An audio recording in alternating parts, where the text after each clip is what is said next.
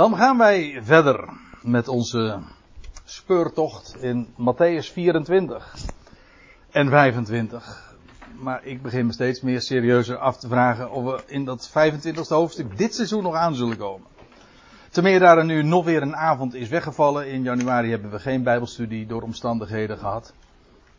Dus de laatste keer was uh, ergens begin december, als ik me niet vergis.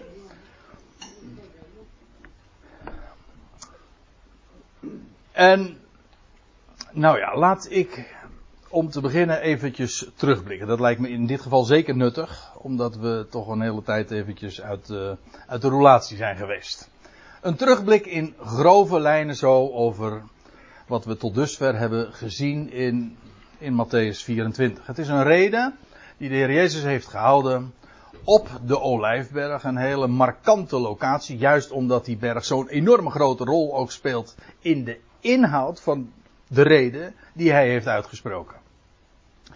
Hij heeft deze reden uitgesproken in de kring van discipelen, in de kring van zijn discipelen en van zijn leerlingen. In een intieme kring, omdat hij juist in het voorgaande, dat lezen we in het slot van hoofdstuk 23, afscheid heeft genomen van Jeruzalem. Officieel afscheid heeft genomen van de stad. Hij zegt, jullie zullen mij niet meer zien. Totdat jullie zullen zeggen, jullie, inwoners van Jeruzalem, zullen zeggen, gezegend hij die komt in de naam van de Heer. Dat is eigenlijk een messiaanse titel die daar in de psalmen wordt uh, benoemd. Maar daarmee geeft de Heer dus eigenlijk aan, jullie zullen mij nu niet meer zien, maar ik kom terug, jullie zullen mij TZT weer zien. En dan is de situatie compleet gewijzigd, dan zullen namelijk Israëls leidslieden, Jeruzalems leidslieden, hem wel erkennen. En ook verwelkomen. Dat zal gaan gebeuren. Matthäus 24 beantwoordt de vraag naar het teken van de parousia. Dat zijn een tweetal, eigenlijk drie. Een drietal, uh, of zo wil, twee punten die in de vraagstelling naar voren komen van het begin van uh, Matthäus 24. En het hele hoofdstuk en eigenlijk ook dus het navolgende, Matthäus 25, gaan over, het, over de parousia. En het teken van de parousia en het einde van de aion.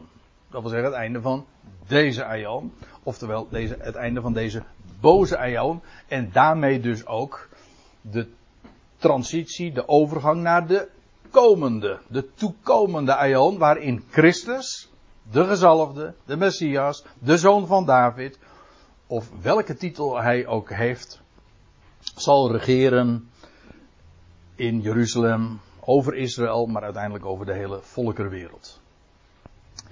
Dit hoofdstuk is beschreven, ik geef even een paar punten aan die we ons nog even goed moeten realiseren alvorens we verder gaan in dit hoofdstuk. Het is beschreven vanuit het perspectief van Judea en Jeruzalem.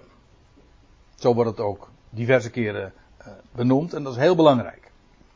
We bevinden ons op Joods terrein, Joods gebied. Eerst zal daar de misleiding zijn, dat is wat de Heer, waar de Heer ook voor waarschuwt. Als, als de vragen binnengekomen zijn, en hij gaat antwoord geven, dan begint hij met: Zie toe dat jullie niet misleid worden. Eerst zal daar die misleiding zijn en het zal uiteindelijk resulteren in een grote verdrukking. Met nog uh, andere begeleidende verschijnselen van aardbevingen, pestilentieën. Nou ja, we hebben daar ook het een en ander van uh, besproken. De grote verdrukking, daar zal het in eindigen in het land Israël. Nou ja, eindigen. Dat wil zeggen, voor, voor wat betreft Israël. Maar daar gaan we het vanavond nog uitgebreid uh, over hebben. De grote verdrukking, die term, die wordt rechtstreeks ook zo genoemd in, uh, in Matthäus 24. Welk vers was dat ook alweer? Vers 21, want er zal een grote verdrukking zijn.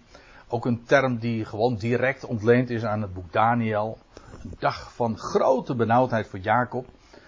Een grote verdrukking, dat begint, zoals we begin lezen in vers 15, bij het oprichten van de, zoals dat dan heet, de gruwel, een afgodsbeeld, van de verwoesting op de heilige plaats. Daniel had daarover geschreven, op diverse plaatsen in zijn profetie. Er, was al, er zal op de heilige plaats, dat wil zeggen het tempelplein in Jeruzalem, zal er een offerdienst weer eh, gaan, gaan starten. Dat is nog steeds niet gebeurd, maar dat gaat gebeuren. En als die offerdienst draait, als ik het eventjes zo oneerbiedig mag zeggen, dan zal er iemand komen en die zal, de mens van wetteloosheid, en die zal in plaats van de offerdienst, die zal die doen staken, doen ophouden. En dan in plaats daarvan zal hij een afgodsbeeld oprichten in de tempel, op het tempelplein. En we hebben inmiddels ook al wat, heel wat dwarsverbindingen gezien, want ja, dat, daar ontkom je niet aan. Als je Matthäus 24 opent, dat gaat over die dingen, over zijn parousia, de grote verdrukking, het einde van de Aion. Maar de profeten, de Hebreeuwse profeten, maar ook dat wat we in het boek Openbaring bijvoorbeeld vinden, spreekt daar net zo goed over. En al deze dingen die hier beschreven worden, vinden we daar terug. Dus als je het plaatje compleet wil hebben, ja, dan zul je dus ook die plaatsen erbij moeten betrekken. Alleen dan, door schrift met schrift te vergelijken, krijg je een compleet panorama. Eigenlijk heel logisch ook. Het zijn allemaal, ik vergelijk het zo graag met, puzzelstukjes die je bij elkaar horen. En alleen als je ze bij elkaar legt, krijg je een compleet beeld. En uh, als je alleen maar één stukje ziet, ja dan, hoe is het ook alweer? Geen profetie der schrift heeft een eigen uitlegging. Dat wil zeggen, profetieën van de schrift leggen elkaar uit. Een profetie in de schrift, bijvoorbeeld Matthäus 24, ja, dat, de uitleg daarvan vind je niet in Matthäus 24, maar in andere profetieën van de schrift. Zo completeren ze elkaar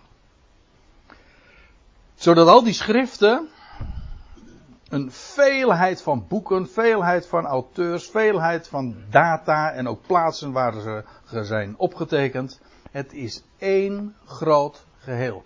En dat de schrift, wij zeggen dan de schriften, dus bijbelse term, dat de schriften duidt op het feit dat er zoveel uh, oorsprongen zijn, zoveel auteurs, zoveel boeken. Maar dan zegt de Heer Jezus daarvan, het is ook de schrift. Het is één geheel en die kan niet gebroken worden. Dat wil zeggen, het is dus onlosmakelijk allemaal aan elkaar verbonden en je kunt dat niet breken. En ook nog even een, eh, een opmerking en de, de wijze waarop ik het nu eventjes als eh, in zeven punten zo weergeef is tamelijk willekeurig uh, dat wil zeggen, ik, zou nog wel een aantal dingen meer kunnen noemen die dat toch echt hoofdmomenten in de studies van de afgelopen avonden zijn geweest. Maar goed, laten we het eventjes hierbij houden. Als laatste wil ik noemen dat het einde van de Aion, dat is pas wanneer het evangelie van het koninkrijk in heel de bewoonde wereld gepredikt zal zijn. En dit is een parafrase feitelijk van vers 13 en 14. Maar daar staat het namelijk gewoon letterlijk zo beschreven. Het is belangrijk omdat de, het moment van het einde van de grote verdrukking niet samenvalt met het einde van de Aion. Dat is een stuk later nog weer. Het einde van de grote verdrukking, ook dat zullen we vanavond nog wel zien, denk ik. Eh, het einde van de grote verdrukking, dat betekent dat Israël bekeerd zal zijn. Maar, maar dan gaat God nog uh, zijn zijn werk doen. En dan breekt de dag van toorn aan voor de volkerenwereld. Ook daar, dat beslaat een periode. Dat eindigt dan, als dat compleet zal zijn, dat is het einde van de Aion, dan zal het evangelie van het koninkrijk in heel de wereld ook gepredikt zijn. We komen daar allemaal nog uh, uitgebreid op terug. De vorige keer hebben we als laatste vers uh, gezien vers, 4, vers 27 van Matthäus 24. En daar wil ik dan nu ook weer de draad oppakken. Want, zegt de Heer, en ja, alleen al het woordje want, geeft aan dat hij daarmee weer toelicht wat er in het voorgaande vers uh, besproken is. Uh, hij had gezegd van ja, ga, ga, geloof niet wanneer ze zeggen het is hier of daar. Want net zoals de bliksemflits uitkomt vanaf het oosten en verschijnt tot het westen. Hij vergelijkt het met een bliksemflits vanaf het oosten naar het westen. Zo zal de parousia, of de aanwezigheid, want dat is wat parousia gewoon betekent, zal de aanwezigheid van de zoon van de mens zijn. Als een blik, uh, bliksemflits, ja, inderdaad, uh, van het ene op het andere moment, maar ook vanuit het oosten tot het westen. Uh, ik weet niet meer helemaal zeker, en als ik het niet helemaal zeker meer weet, dan kan ik me zo voorstellen dat u het ook niet meer weet. Maar, of ik de vorige keer al op gewezen heb dat dit te maken heeft met het feit dat de Heer zal verschijnen vanuit het oosten. Dat wil zeggen op de Olijfberg die ten oosten van Jeruzalem ligt. Nou, laten we dat nog eventjes zien. Heb ik, eh, herinnert u zich dit? Niet? Oh, dan is het goed dat ik het. Eh, ik dacht namelijk dat het. Ik, zat te, spelen met de gedachte dat ik het wel besproken zou hebben. Maar niet dus. Oké. Het zal een, een lichtende verschijning zijn. Een bliksemflits dus. Uh, hoe was het ook weer? Ja. Een lichtende verschijning. Uh, vanuit het oosten, vanaf het oosten en tot het westen. En dan in Zachariah 14, laten we het gewoon eens even lezen. Een paar versen. Aanschouw. Er komt een dag voor Yahweh. En jouw buit, gaat over Jeruzalem, zal verdeeld worden in het midden van jullie. En ik verzamel al, ik, hoofdletter, gaat over Yahweh zelf. Het is de dag voor Yahweh. En ik verzamel al de natie te Jeruzalem tot de strijd. En de stad zal veroverd worden. Of de, en de stad wordt veroverd. En de huizen die worden leeggeroofd en de vrouwen geschonden. En de helft van de stad trekt uit in ballingschap. En de rest van het volk zal niet uitgeroeid worden van de stad. Met andere woorden, dat wat uh, in ballingschap gaat, die, uh, worden, uh, die worden tevens ook uitgeroeid. Het is een vreselijke dag. Let ook even op, het is de Heer zelf die actie onderneemt en hij is het die de, de bij elkaar gaat brengen, gaat verzamelen. Nou, en waar doet hij dat? Te Jeruzalem. En tot de strijd. Die natieën hebben daar geen idee van. Dat ze verzameld worden. Dat ze leidend voorwerp daarin zijn. Zij hebben hun eigen plannen. Maar in werkelijkheid is het God die de regie voert. Dat is maar mooi ook, denk ik. We hadden het er net nog eventjes over. God voert in alles de regie. Ook als de mens zich daar totaal geen benul van heeft. En uh, dat is een hele relaxte gedachte. Maar dan. En Yahweh zal uittrekken. Te en strijden te midden van de natieën. Zoals ten dagen dat hij streed ten dagen van een aanval. Dat wil zeggen dan gaat er weer gebeuren wat er in het verleden zo vaak, wat in het verleden zo vaak heeft plaatsgevonden. Lees het, het, de Hebreeuwse Bijbel, het Oude Testament. Dat God inderdaad zich opstelde als een krijgsheld. En de oorlog voerde.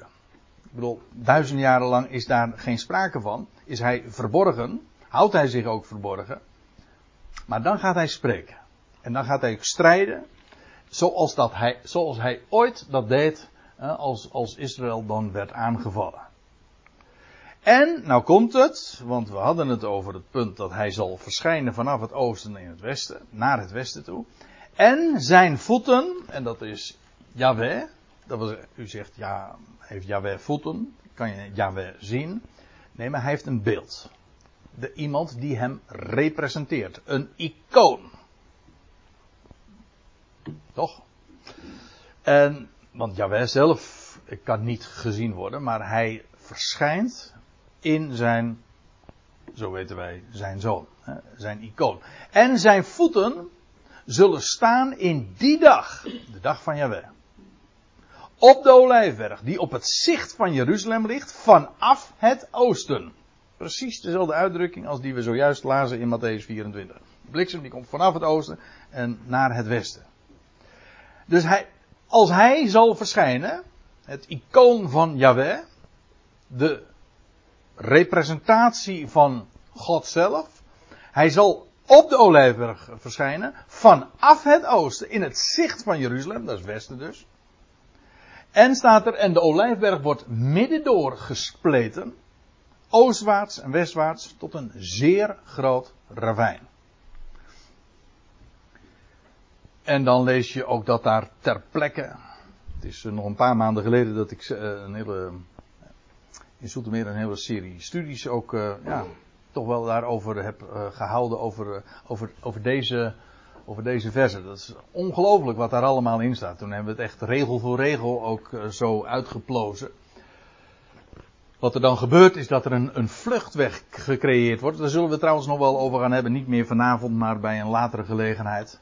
En dat het volk dan zal vluchten door de olijfberg naar een plaats in de, in de woestijn, naar de bergen.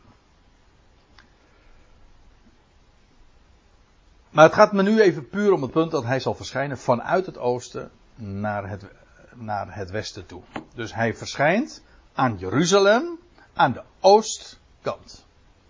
Dus het is niet uh, zomaar dat de Heer dat dan zo zegt, hè, vanaf uh, zoals eh, van het, vanaf het oosten tot in het westen. Nee, dat is met opzet. En zo zal de parousia de aanwezigheid van de zoon van de mens zijn. De zoon des mensen. Dat, dat des mensen, dat suggereert dat het een meervoud is. Maar het is twee keer enkelvoud. Het is, en bovendien bepaald. De zoon van de mens. De Ben Adam. De erfgenaam van ik meen dat in de, de Concordant Version vertaalt dit met de son of the mankind. Mankind, dus de zoon van de mensheid. Wat in de praktijk toch hetzelfde is. Hoewel de mens is, ja, wat is de mens? Dat, die vraag kun je op een uh, verschillende manieren beluisteren. Wat is nou de mens? Hè? Nee, maar ik bedoel, wat, is de mens? En de mensheid begon bij Adam. En Adam is de mens, maar dat is precies ook wat Adam betekent. Adam is de mens. En de mens bekende zijn vrouw. De mens had gemeenschap met zijn vrouw, staat er dan. Hè? Adam. Dan is het gewoon eigen naam. Maar eh, hij was ook, bij hem is het allemaal begonnen. De mens. En de zoon van de mens, ja, dat is de, de grote. Dat is de titel van de Messias. Eigenlijk, Paulus noemt hem dan in 1 Corinthië 15, de laatste Adam. De eerste Adam, en niet de tweede, maar de laatste Adam. Dat wil zeggen, hij is de definitieve versie. Hè? Ik heb, uh, even tussendoor, ik heb, uh, jarenlang heb ik de fout gemaakt door dat zomaar door elkaar te gooien. Door te spreken over de, over de tweede Adam. De Heer Jezus is de tweede Adam. Ik hoor het nog wel eens een keertje andere mensen ook zeggen. En inmiddels zeg ik dan triomfantelijk corrigerend. Ah ah, het is de laatste Adam. Niet de tweede, het is de tweede mens, maar de laatste Adam. En wat is het verschil? Wel, bij de tweede zou je kunnen zeggen van nou, er komt nog een. Als bij de eerste Adam, zoals mensen menen, het mis kon gaan, dan zou het bij de tweede Adam weer mis kunnen gaan. Waarom niet? Maar hij is de laatste. Hij is, dat betekent hij is de definitieve versie. Dus als je eenmaal dat weet, dan maak je die fout nooit meer. De laatste Adam. Hij is de echte mens en in de laatste Adam is ook de hele mensheid betrokken en besloten. Afijn, dan zal de zo zal de parousia van de zoon van de mens zijn. Vers 28. En ik dacht in aanvang dat we daar wel snel doorheen konden gaan. En mij is gebleken dat daar heel veel over te melden valt. Vers 28, een raadselachtig vers. Daar staat dit. Waar dan ook het lijk zal zijn, daar zullen de gieren verzameld worden. in de NBG-vertaling zegt, waar het aas zal zijn. Grappig, maar dit woord, dit Grieks, deze Griekse woorden, uh, wordt doorgaans, in alle andere gevallen wordt het gewoon weergegeven met het lijk. Maar alleen hier in Matthäus 24 in de MBG-vertaling wordt dan weergegeven met het aas. En natuurlijk zou je kunnen zeggen van ja, dat is ook logisch. Zeker ook de, vanwege de associatie met die gieren. Hè, die op aas afgaan. En aas is eigenlijk ook niks anders dan een dood lichaam. Een lijk dus. Ja, ja, ja, ja, ja. Maar dan. Eerst, ik heb ooit, is even ter inleiding, om even aan te geven van hoe het zeer daarover gespeculeerd is. Ik was ooit, dat was in 1976, ik was 15 jaar, en die reis heeft op mij hele grote indruk gemaakt. Het was de eerste keer dat ik in Israël was. Onder leiding, het was een jeugdreis, onder leiding van het illustere echtpaar Gert en Hermine Timmerman. En Hans en Esther Tims ook. Zij is een bekende gospelzangeres ook dat viertal was, uh, gaf leiding aan een 20, 20, 25 jongelui of zo. Ik was een van die jongelui. Uh, dat heb ik zo'n geweldige reis gevonden. En ik weet dat mensen misschien wat lacherig doen als ze de naam van Gert en de Min horen. Maar ik heb aan zijn lippen gehangen. Geweldig. Uh, dat was, wat, hij was geweldig gegrepen door de, door de profetie van de Bijbel. En ik herinner me heel goed dat hij hierover uh, een verklaring gaf waar ik nu misschien wat op moet lachen, maar ik was toen, toen hij zei dit. Hij zei, weet je dat, want hij geloofde dat het echt in die dagen ook allemaal zijn beslag zou gaan krijgen. Ik bedoel, ik praat nu dus over 1976 nogmaals. En hij zegt, weet je dat de populatie van gieren momenteel in, in Israël aan het toenemen is? Hij zegt, de gieren verzamelen zich. Ja, waarom? Hij zegt, hier gaat het allemaal gebeuren. Hier is het aas. En hij dacht dus eh, aan letterlijke gieren ook in dit geval. Maar nou of iets anders. Dat was de, de verklaring die hij daar toen van gaf. Maar eerst even dit. De vraag, als hier staat het lijk. Let op het bepaalde lidwoord. Het lijk. Dan heb je toch dan stel je als eerste toch de vraag: welk lijk? Het is, het is ook hier weer specifiek, gespecificeerd, het lijk. Bepaald, hè? Niet zomaar een lijk, nee, waar het lijk zal zijn. En ja, de, ik heb ooit, uh, ik heb geleerd, en dat is uh, de allerbeste les, uh, een van de allerbeste lessen die ik ooit geleerd heb met, uh, als, als je bijbelstudie doet. Eigenlijk gaf ik het net al even aan, dat de schrift met schrift vergelijken. Als je uh, wil weten wat de betekenis is van een uitdrukking, dan pak je een concordantie en je kijkt waar wordt dat nog meer gebezigd. Wel, ik ben aangekomen in openbaring 11. En ik wil graag u meenemen naar vers 7. We zijn al eerder trouwens in deze serie bij openbaring 11 geweest toen we het hadden over de twee getuigen. Want daar gaat het over in openbaring 11.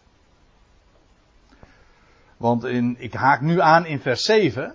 Dan staat er, en wanneer zij, en dat, die, zij, die zij dat, dat zijn dus de twee getuigen. En wanneer zij het getuigenis, de getuigenverklaring van hen, tot een einde zouden brengen. Wanneer zouden ze die tot een einde brengen? Nou, ja, het wordt, het wordt benoemd, hè, want je leest in vers 3 van. Ze zouden profiteren en getuigen 1260 dagen lang. Voor die periode. Dus we praten nu over het einde van die periode dat zij getuigenis zouden afleggen. En het einde van die periode van 1260 dagen, die een grote rol speelt. We hebben nu in deze serie daar al verschillende keren ook over gehad. Maar laten we het eventjes nog op een rijtje zetten. Even kort. Uh, die 1260 dagen, dat is ook die tijd die genoemd wordt in openbaring 12. Dat is een hoofdstuk later dus. Dat is de tijd dat de vrouw, Israël, gelovig Israël, in de woestijn bewaard zal worden. Staat er heel uitdrukkelijk bij. 1260 dagen lang. Bewaard en gevoed zal worden. Nadat die mannelijke zoon was weggerukt tot God en zijn troon. Weet u nog, daar hebben we het ook over gehad. 1260 dagen. Uh, het is ook de tijd, alleen dan wordt het, worden niet de dagen gemeten, maar het aantal maanden. Het zijn namelijk 42 volle maanden. 42, zoveel uh, dagen. Uh, we zeggen 42 maanden en zoveel dagen, maar in ieder geval 42 volle maanden. En zoals, uh, zoals ik ben nu 55 jaar, maar ik ben eigenlijk 55, zoveel jaar. Dat wil zeggen 55 volle jaar. Dat is wat je gerekend.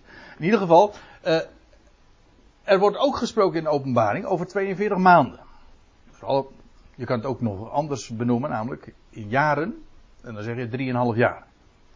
En het komt overeen met de 42 maanden dat het beest, ook weer zo, het, niet, zomaar een beest, een wild dier, nee, het beest zal lasteren, het beest uit de zee. Die periode, of tijd, tijden en halve tijd. Jaar, twee jaren, half jaar. Nou ja, dus er zijn nogal wat manieren om die, die periode te benoemen. Er is nog één trouwens. Zoals die Bijbels beschreven wordt, dat is drie jaar en zes maanden. Dat is allemaal hetzelfde. Allemaal hetzelfde. In ieder geval, even terug naar uh, die twee getuigen. Zij zouden, al, wanneer zij het getuigenis van hen tot een einde zouden brengen, dus aan het einde van die periode van 1260 dagen, zal het beest, dat is opkomende vanuit de afgrond, af, vanuit de afgrond, uit de abyss, uit de, uit de zee ook. Hè? Het beest uit de zee, uit de volkerenwereld, daarmee ook. Dan zal het beest, dat is opkomende vanuit de afgrond, hen oorlog aandoen. En, staat er, het, het, dat beest, zal hen overwinnen en hen doden. Dus die twee getuigen hebben daar 1260 dagen, gedurende die periode, hebben zij daar in het hol van de leeuw getuigenis afgelegd, geprofiteerd. Maar aan het einde van die periode zal het beest hen de oorlog aandoen en eindelijk, dan zal hij hen overwinnen. Eerder kan het niet, namelijk. Ze waren onaantastbaar. Dat zullen we straks ook nog zien. Maar in ieder geval, aan het einde van die periode worden ze overwonnen en worden ze gedood. En nou kopen we. Want u denkt van dat ik niet bij mijn punt kom. En daar staat er dit. En het lijk van hen. Hier staat exact hetzelfde woord als in Matthäus 24, vers 28. In eerste instantie was ik wat verward, uh, ik, want ik dacht van, moet er niet staan, de lijken, de lijken van hen. En we zullen straks zien, in vers 9 wordt inderdaad gesproken over de lijken van hen, maar uh, twee keer over het, het lijk van hen. Dus even nu even teruggaan, uh, nog even om, om de, de boel uh, bij elkaar te houden. In Matthäus 24 hebben we het over dus de verschijning van de Heer aan de oostkant van Jeruzalem, op de Olijfberg. Hij verschijnt dus voor zijn volk. En dan in dat verband wordt gesproken over het lijk. En daar zullen de gieren zich verzamelen. Worden verzameld. En het lijk komen we ook in openbaring 11 weer tegen. Waar is dan, wat is dan de plaats? Nou, laten we, laten we gewoon even doorlezen. Het lijk van hen zal liggen op het plein van de grote stad. Het plein. Wat is nou het plein? In in de, ik meen dat in de NBG-vertaling staat de straat. Dat is het plein. En wat is nou het plein van de grote stad? Het gaat hier over Jeruzalem, maar dat is waarover straks meer. Dat kan maar op één eh, locatie betrekking hebben, namelijk het tempelplein. Het plein in Jeruzalem is het tempelplein. En het lijk van hen zal liggen op het plein van de grote stad. En er staat erbij, die op een geestelijke wijze wordt genoemd Sodom en Egypte. Aha. Dus hier wordt gesproken over twee dode mensen en het lijk van hen, dat ligt daar. Grote stad. Op een geestelijke wijze wordt die stad genoemd Sodom en Egypte. Hoezo? Sodom en Egypte. Nou, Sodom. Is dat nou ook weer niet om dat te vragen? nee. Nee, Sodom, dat is die stad waar Lot uit moest vluchten. Waar God het oordeel over had aangezegd. Die stad die verwoest zou worden. En Lot moest maken dat hij wegkwam. Toch? Ik zal u vertellen, dat is precies de situatie op dit tijdstip ook in Jeruzalem. En trouwens, Egypte is het verhaal eh, identiek. Egypte, dat is dat land. Als, Israël aan het land Egypte denkt, dan denkt ze aan het land waar ze ooit door de Heer zijn uit bevrijd zijn. De oordelen kwamen over Egypte en de Heer heeft hen op een miraculeuze wijze heeft hen uit de Egypte bevrijd. Ze zijn gevlucht feitelijk ook uit Egypte. En die stad, Jeruzalem, waar dat lijk ligt, op dat plein, dat wordt geestelijk genoemd Sodom en Egypte. Ja, maar het is de stad, Jeruzalem. En ik zal u vertellen, en dat zullen we straks ook nog nader zien. Maar feitelijk zagen we het zojuist al in Zachariah 14. Het is de stad waar het overblijfsel, dat wil zeggen degenen die het overleefd hebben tot dusver, moeten maken dat ze wegkomen en zullen vluchten uit die stad. Net zoals ooit Lot uit Sodom en zoals Israël uit Egypte, zal, zal straks het overblijfsel moeten vluchten uit die grote stad. Dat is de geestelijke benadering. En als je het heel geografisch wil hebben, waar ook de Heer van hen werd gekruisigd. De Heer van hen, dat wil zeggen de Heer van die twee getuigen. Ja, dat is. Uh, dat is voor aan te wijzen. Uh, letterlijker en, en meer concreet geografisch kun je het niet, uh, niet hebben. Dat is de stad waar de Heer werd gekruisigd. Even buiten de poorten van de stad. Buiten de bebouwde kom, zeg maar. Het is opmerkelijk trouwens hoe dingen.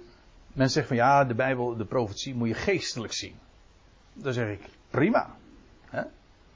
Bijvoorbeeld die stad Jeruzalem. Dat kun je ook heel geestelijk bezien. Dan kun je zeggen van dat is Sodom. Hè? Dat is Egypte. Ja, maar dat is de geestelijke benadering.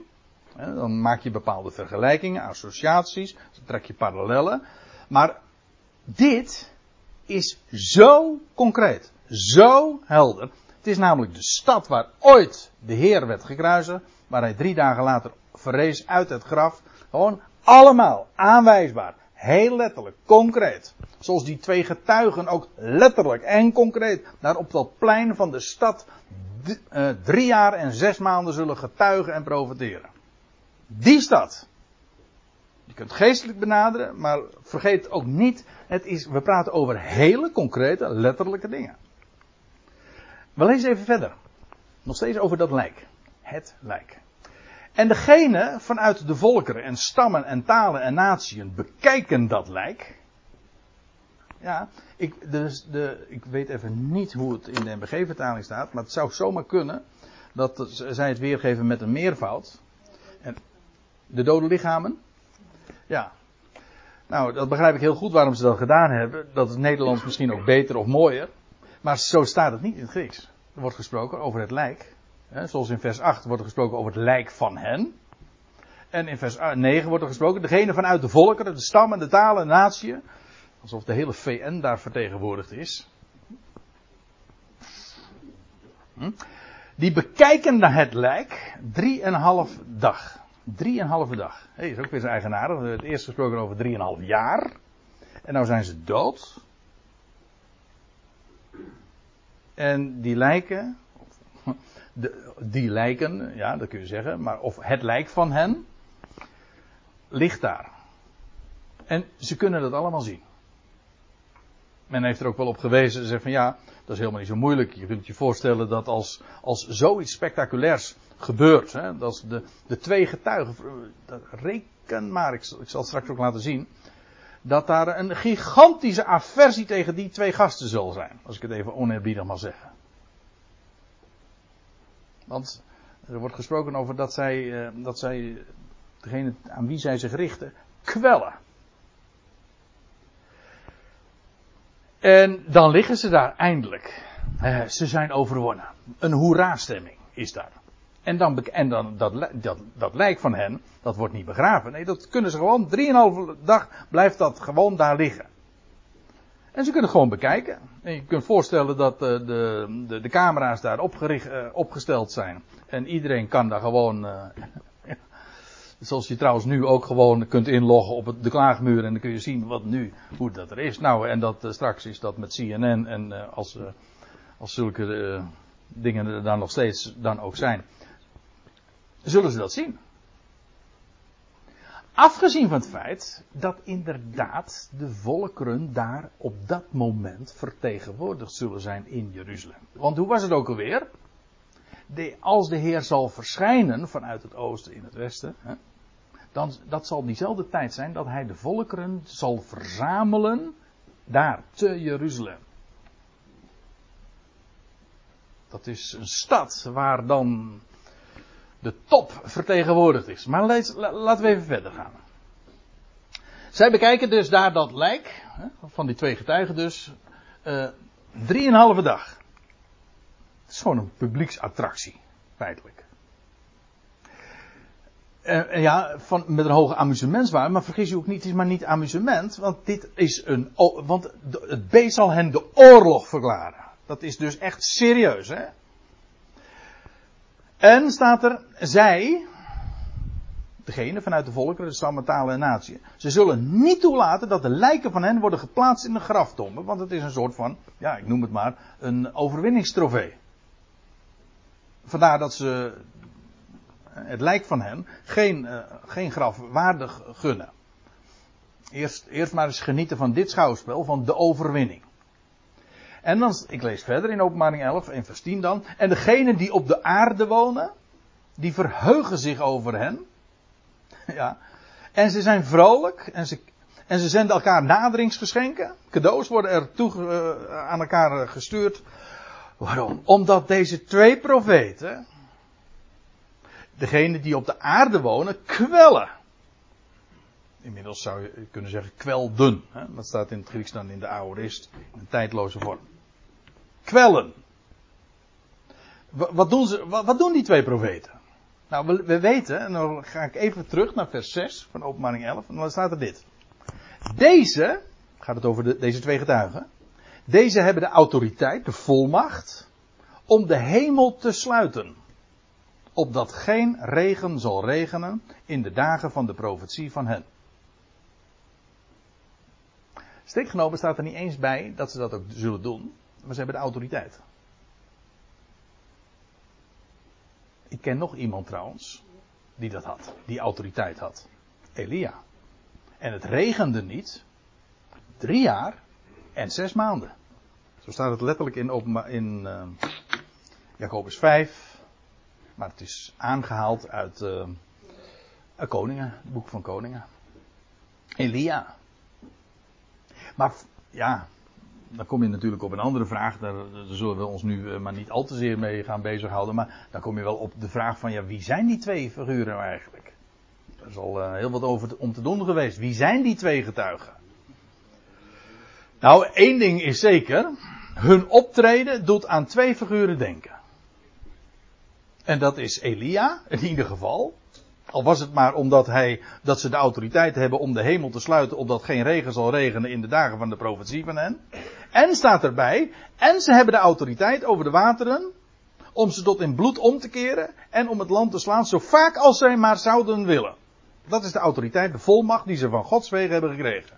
Nou, wie, welke twee figuren springen er daar onmiddellijk uit? Ik bedoel, dan hoef je geen eens een groot bijbelkenner te zijn. Dan je, aha, dat is om te beginnen Elia. Die inderdaad bovendien ook nog eens een keer een precies dezelfde periode. Dat ook die autoriteit heeft uitgevoerd. En heeft uitgeoefend. En inderdaad, Mozes, die water in bloed veranderde. Wij kennen ook iemand die als eerste teken water in wijn veranderde. Dat is het oude verbond, nieuw verbond. Dat is het grote verschil. Maar dat weer terzijde. Ja, maar dat, ik, ik ken die uitleg ook van Elia, of van uh, Henoch wordt hier uh, genoemd, dat dat ook een van die twee getuigen zijn. Maar dat wordt op iets heel anders gebaseerd. En dat is van ja, maar die Henoch die is nooit gestorven geweest. En dus moet al, en Elia ook niet. Dus die twee die komen dan weer terug. Maar ik denk dat beide conclusies niet duigen. En dat en Henoch en Elia wel degelijk zijn gestorven. maar als u nou vraagt van maar Elia werd toch ten hemel gevoerd, toch ten hemel. Maar hij is weer teruggekomen. En hij heeft later nog keurig een brief geschreven aan een latere koning. Weet u dat?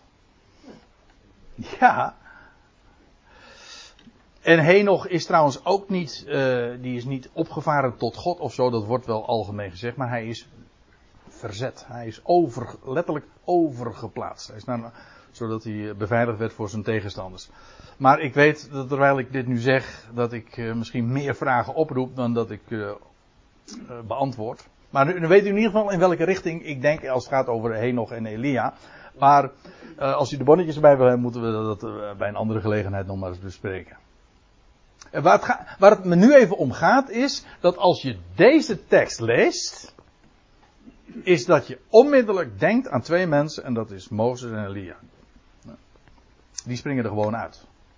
Juist daar doet ze aan denken. Trouwens, we weten ook, sowieso, dat is het laatste vers van het boek van, de, van onze Oude Testament, dat in de eindtijd, in de, als uh, het her, Elia die zal komen om alles te herstellen.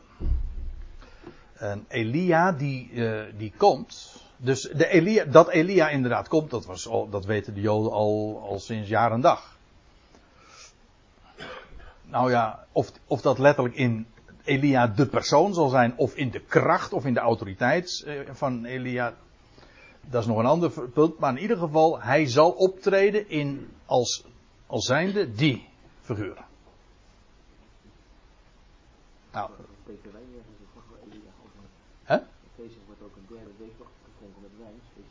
Voor Elia en de ja, en er wordt een lege plaats altijd nog, uh, hoe was het? Uh, ik zit naar uh, terecht te kijken. Ja, een lege plaats aan de, aan de zettertafel. Hè?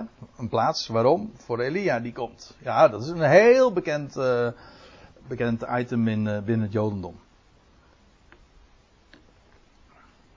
Over Elia die gaat komen en alles zal herstellen, dan wil ik zo graag nog eens een keertje een bijbelstudie geven. Want ik heb daar dingen over gehoord, die vind ik echt fenomenaal. Maar ik zou nu in de verleiding komen om daar wat over te zeggen, maar dat doe ik niet. Eerst even dit. Uh, die, die twee profeten, ze zijn de mensheid, dan de volkeren, uh, die zijn zo blij. Ze sturen elkaar cadeaus omdat die eindelijk die kwelgeesten, als ik het uh, zo mag noemen, overwonnen zijn en nu dood zijn. En nu op drieënhalf dag. Drieënhalve dag.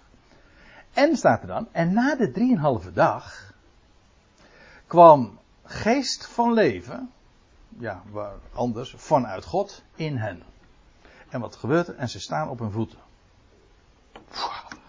Wat krijgen we nou toch zeg? Wat zeg je? De cadeautjes worden weer teruggestuurd. Ja, die hadden ze kunnen houden. Dat geld hadden ze in de zak kunnen houden. Ja.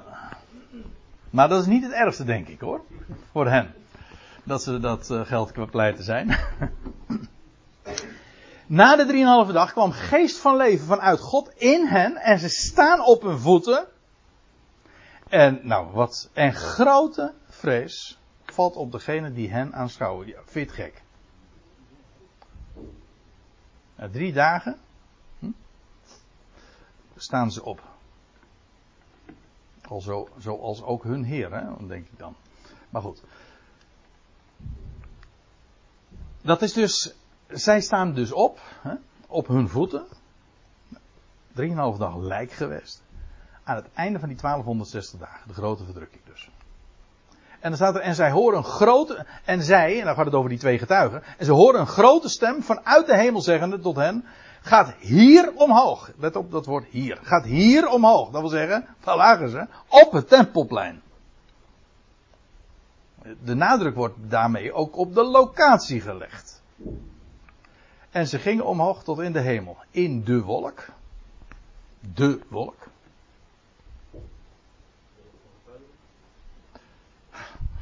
Ja, kan, zou ook nog kunnen. Daar had ik niet aan gedacht, uh, Fred. Uh, nee, ik denk aan de wolk. Zeker als het gaat over uh, hier niet alleen deze locatie, maar de, ik zou zeggen, de beroemde wolk. Hè? ook dikwijls genoemd de wolkkolom, de Shechina.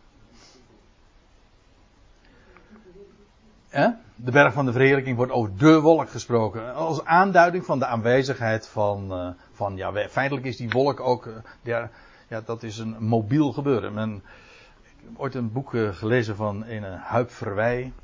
En die sprak over de mobiele godstroom. De Shechina, de wolk, de mobiele godstroom. Waar eh, ook eh, in, in Ezekiel 1 lees je dat visioen van die raderen, de rat in de raderen enzovoorts. En dan en beweegt die troon zich voort. En dat is een hele bijzondere beschrijving. Ook mysterieus. Een rat in de raderen en, en, en dan komt hij steeds dieper in die troon en dan en uiteindelijk denk je van nou, nou gaat het komen hoor.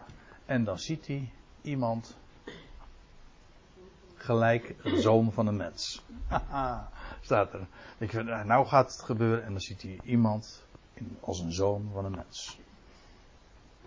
In, in die Shechina. Ja. Nou, de aanwezigheid in de wolk. Uh, de aanduid, en het is een aanduiding, die wolk, van de aanwezigheid van Yahweh. En inderdaad, Yahweh zal op dat moment ook daadwerkelijk verschijnen. Daar. Precies hetzelfde als waar we het over hadden in Zachariah 14. En ze gingen omhoog tot in de hemel, in de wolk, en de vijanden van hen aanschouwen hen. En nou lees ik verder in vers 13 eh, van datzelfde hoofdstuk dus. En in dat uur geschiedde een grote aardbeving. Hé. Hey. Waar, had, waar hadden we het net over? Toen we Zachariah 14 lazen. Ja, de splitsing van de Olijfberg. En dan wordt. Uh, ja, toen, toen lazen we in vers 4, maar ik weet niet eens of ik vers 5 nog genoemd heb dan staat er, en gij zult vluchten, jullie zullen vluchten, zoals in de dagen van de aardbeving van, wat, Uzia, ja, van koning Uzia. Dat is gewoon, ja, kun je je voorstellen, als die olijfberg splijt. Dat is een aardbeving hoor. Een grote aardbeving. Nou, dat aan het einde van die 1260 dagen, oftewel aan het einde van die grote verdrukking, dan zullen die twee getuigen die daar in het hol van de leeuw geprofiteerd hebben, gedurende die grote verdrukking en, en, en met grote autoriteit, ze zullen dan overwonnen zijn en na, na, na die drieënhalve dag, zoals we zojuist lagen, zullen ze weer op voeten staan en zullen ze, ja, ik zou haast zeggen, de Heer tegemoet gaan. Want de Heer zal inderdaad verschijnen. In dat uur geschieden een grote aardbeving. En staat er nog bij. En het tiende deel van de stad valt. Nou, dat lijkt me niet zo uh, gek. En staat er nog bij. En er werden. Ja. Oh. Even kijken hoor. Eh, hoe het in de MBG vertaald. Want dat ben ik nog vergeten zelf te doen vanmiddag. In. Ja. En er werden 7000 namen van mensen gedood in de aardbeving. Zo staat het letterlijk. In de MBG-vertaling staat er. Um, en 7000 personen werden door de aardbeving gedood. Staat er niet. Ik bedoel, het gaat mij er niet om, om iemand iets kwaad te Er staat letterlijk namen van mensen. Ja, wat, wat is dat? Van de naam Ja, maar namen van mensen gedood. Dat zijn mensen van naam. er werden zeven. Kijk, het is een grote aardbeving wat daar plaatsvindt. En daar vindt een enorme slachting plaats. En 7000 mensen van naam werden gedood. De hele stad uh, bekende personen. Ja? Ah, daar ben ik nou blij om. Uh, hoort u toch eens van een ander. De herziende statenvertaling. Ja, mensen van naam dus. Ja. Hè? Jij slaat namen van mensen, dan heb je het over een naam. Ja, maar je, uh, kijk, ja, maar in de betekenis is het dus, uh, mensennamen. Hè? Of, uh, kijk, een naam zelf kun je niet doden. Toch? Hè? Sommige mensen dat mag geen naam hebben. ja. Ja, maar dit, dit is wel. Hè? Maar die mensen van naam, en, en ik vond dat, uh, toen ik dit zag, een eye-opener. Ik ja, hier worden maar niet zo, maar uh, de, het aantal mensen dat omkomt in die aardbeving geteld, maar er worden 7000 mensen van naam. En hoe was het ook alweer? Even goed helder voor de geest krijgen. De Heer gaat aan het einde van die grote verdrukking de volkeren, de natieën, verzamelen te Jeruzalem. Wie zijn daar dan? Ja, daar is, de, daar zit, daar is gewoon daar zijn de natieën verenigd. Die hebben de handen ineen geslagen. Daar gaan ze de strijd voeren. En zij hebben daar hun eigen politieke overwegingen voor. En wellicht hebben die twee getuigen daar ook nog alles mee te maken, weet ik niet. In ieder geval, zij gaan daar naartoe, maar in werkelijkheid is het God zelf die hen verzamelt als schoven op de dorsvloer. Dat lees je elders dan. Maar je kunt je voorstellen, de natieën zijn daar vertegenwoordigd. En bij die gelegenheid, als daar die grote aardbeving plaatsvindt, dat is net de tijd dat daar 7000, nou ja, misschien nog veel meer, maar 7000 mensen van naam worden daar gedood. Namen van mensen gedood in die aardbeving. Ja, ik zit er maar bij. Een vergadering van de Verenigde Naties. Nou, in ieder geval zijn de naties daar verenigd. Dus eigenlijk kan het niet missen dat het klopt. Hm? Ja, de representanten. Ja. En de overigen, die dus niet gedood werden, uh, werden zeer uh. Oftewel, de overigen, zo, dat heet, heeft in de Bijbel nog een andere naam. Degenen die niet gedood worden, degenen die dus overblijven, dat is dus de rest. Ja, de overige is hetzelfde als de rest. Dat wil zeggen, de rest wat overgebleven is. Dat niet is omgekomen. Een hele bekende uh, uitdrukking die zo vaak gebezigd wordt. En de overigen werden zeer bevreesd. En zij gaven heerlijkheid aan de God van de hemel. Ja, maar dat is precies wat we ook weten vanuit Zacharia. Namelijk dat wat overblijft. In die dag. Hè, als daar die dag van strijd, de dag van Jahweh, daar in Jeruzalem, dat wat overblijft, wel, zij vluchten naar de, zij moeten, zullen vluchten en zij zullen de, de God van de hemel, die dan trouwens vanuit de hemel zal komen naar de aarde, die zullen ze dan de heerlijkheid geven. Zeer bevreesd over uh, wat alles uh, wat heeft plaatsgevonden. Ja, dus als we dan nu even weer teruggaan waar de Heer had gezegd, ik ben nu weer terug in Matthäus 24, waar dan ook het lijk zal zijn, daar zullen de gieren verzameld worden. En hier is die gier, ja, dat is niet zo moeilijk. Het lijk, dat hebben we nu, dat, zijn, dat, is, dat betreft het lijk, namelijk van de twee profeten of de twee getuigen. En die gieren, ja, dat zijn die zich daarop geworpen hebben. Op dat lijk de, feitelijk een metafoor dus voor de natieën die zich verlustigen in, nou gebruik ik zelf eventjes dat woord, in dat aas. Zij zijn blij over het feit dat zij daar dood op, het, uh, op dat plein, op het tempelplein liggen. En daar zullen de gieren verzameld worden. Trouwens niet zich verzamelen, ook hier weer hè. Passief. Ze worden verzameld. Daar weten zij veel. Maar in ieder geval, het is God die hen daar zo zal brengen. En daar zal dus met recht het lijk zijn. Ik begrijpt u ook nu dat dat heel concreet is. Het lijk. Het gaat over de, het lijk van de twee getuigen. En zoals dat in openbaring dus beschreven wordt. En het gaat over exact dezelfde locatie en ook hetzelfde tijdstip. Namelijk Jeruzalem aan het einde van de grote verdrukking. Dus ik zou zeggen, het kan niet missen. Wat ook niet kan missen, dat het nu 9 uur is. En dat we maar even uh, moeten gaan, uh, gaan pauzeren. Als ik